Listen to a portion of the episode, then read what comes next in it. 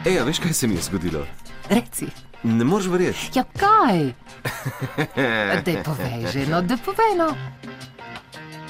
Pred dobrimi desetimi leti je bila Katja še študentka, vozila je staro rdečo katrco, občasno odporno tudi na ključe.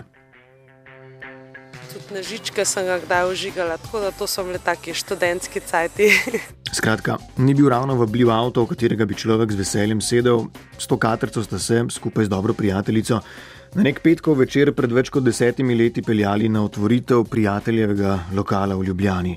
Na poti pa se seveda spomnite, da bi bilo dobro, kot veleva Bonton, gostitelju prinesti kakšno malenkost, buteljko vina, da nima. Katja je avto ustavila na avtobusni postaji, kolegica se je odpravila v bližnjo trgovino, avto torej stoji na avtobusni postaji, sogovornica čaka prijateljico. Kar naenkrat mi je pač um, presenetila ena uh, gospa srednjih let, uh, ki je skočila v moj avto, na sovoznikov sedež, odprla pač vrata, se usedla, brez pač, da bi me karkoli vprašala, če lahko prisede. Se usedla in mi pač samo pogledala in rekla, da naj jo takoj odpeljem v polje. In pol sem jaz mislila, da se pač heca, in sem rekla, da pač je ne morem peljati, da niti ne vem, kam točno ona to hoče iti, ker nisem v moment še dojela, kaj, kaj, kam točno želi iti.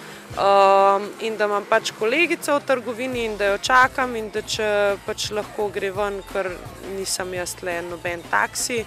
In v glavnem, gospa se ni dala. Uh, je rekla, pač ona ni nič kaj prav dobro z mano debatirala, ona je samo govorila, tako me odpeljte v polje. Pol sem jaz v bistvu dojela, da ima verjetno gospa težave in jaz sem pač njo kumi prepričala, da počakava, zaradi tega, ker jaz nisem, če bi jaz odpeljala, una moja kolegica sploh ne bi vedela, kaj, kaj se dogaja, ne? ker pač nismo imeli telefonov.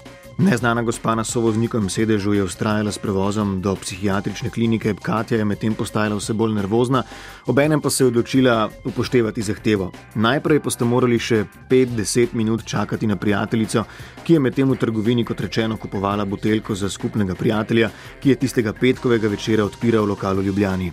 In potem pride prijateljica, se hoče usesti zraven mene in vidi, da tam nekdo sedi.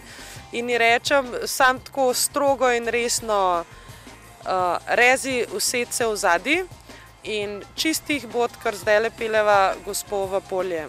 In ona tako, ha, ha, ha, ko se zdaj ti tle zabavaš, ne? in jaz tako čistih bod in gremo mi zdaj v polje. In, in ona pa vidi, da jaz resno mislim in je bila tako.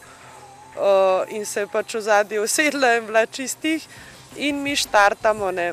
Ljubljana takrat študentka še ni poznala do potankosti, zato je bila sovoznica nekoliko nervozna, kar je znala tudi glasno izraziti. Počasi vozim, da če se ne da to hitreje, da, da če sem jaz spoh zlobljene, da če jaz spoh vem, kam pelem. Nervoza je vodila v naslednjo stvar. V glavnem je pa gospa čist mirno, brez kakršnih koli vprašanj, ne vem, uh, začela v mojem avtu kaditi. in sem jaz pač povedala, da v tem avtu se ne kadi. In, uh, me sploh pač ignorirala, me je in mirno kadila enega za drugim. In potem sem se jaz odločila, da nisem ne odločila, pač jaz sem bila tudi čist nervozna in se rekla, mah, jaz bom tudi pržgala enega. Tako da mislim, da sem tam do, do, ta, do bolnišnice, kjer so jo pol odložile, da, da sem po mojem kar skadila ene pet cigaretov, kolegica pa tudi. Tako da v bistvu smo pa vse tri kadile v tistem avtu. Skratka, gospod, ki je v avto vstopila povsem nepričakovano na avtobusni postaji v Šiški in zahtevala prevoz do polja, je Katja tja tudi uspešno pripeljala.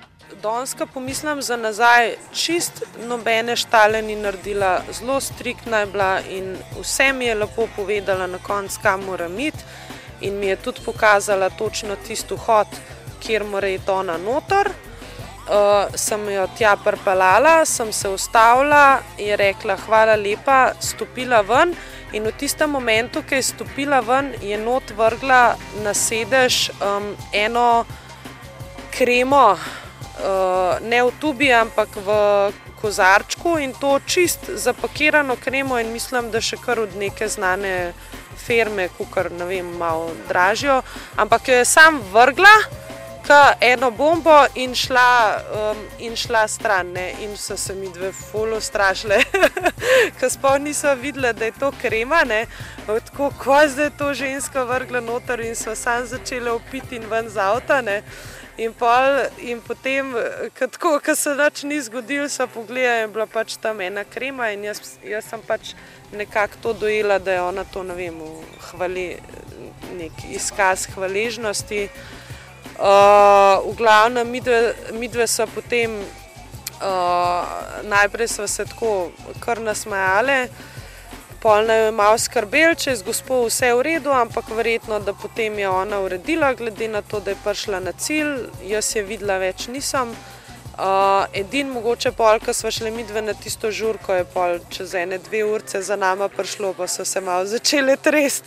Drugač smo pa nekako takrat ugotovili, da, da v bistvu ne, so te ljudje pač taki kot mi in da pač samo in zgolj pomoč je rabila, ampak ni pač tega znala povedati na nek um, blazno vljuden način, ampak tudi ne na nek brutalen, tako da je bilo v bistvu vse v redu. Ja. Vsak ima vsaj eno zgodbo, vsaj enega kolega, ki začenja podobne zgodbe z začetkom. Ti, veš, kaj se mi je zgodilo, zgodbe, ki se magari ob priložnostih tudi ponovijo, ker so tako vredne pripovedovanja. Naprimer, tole je bila Katina zgodba.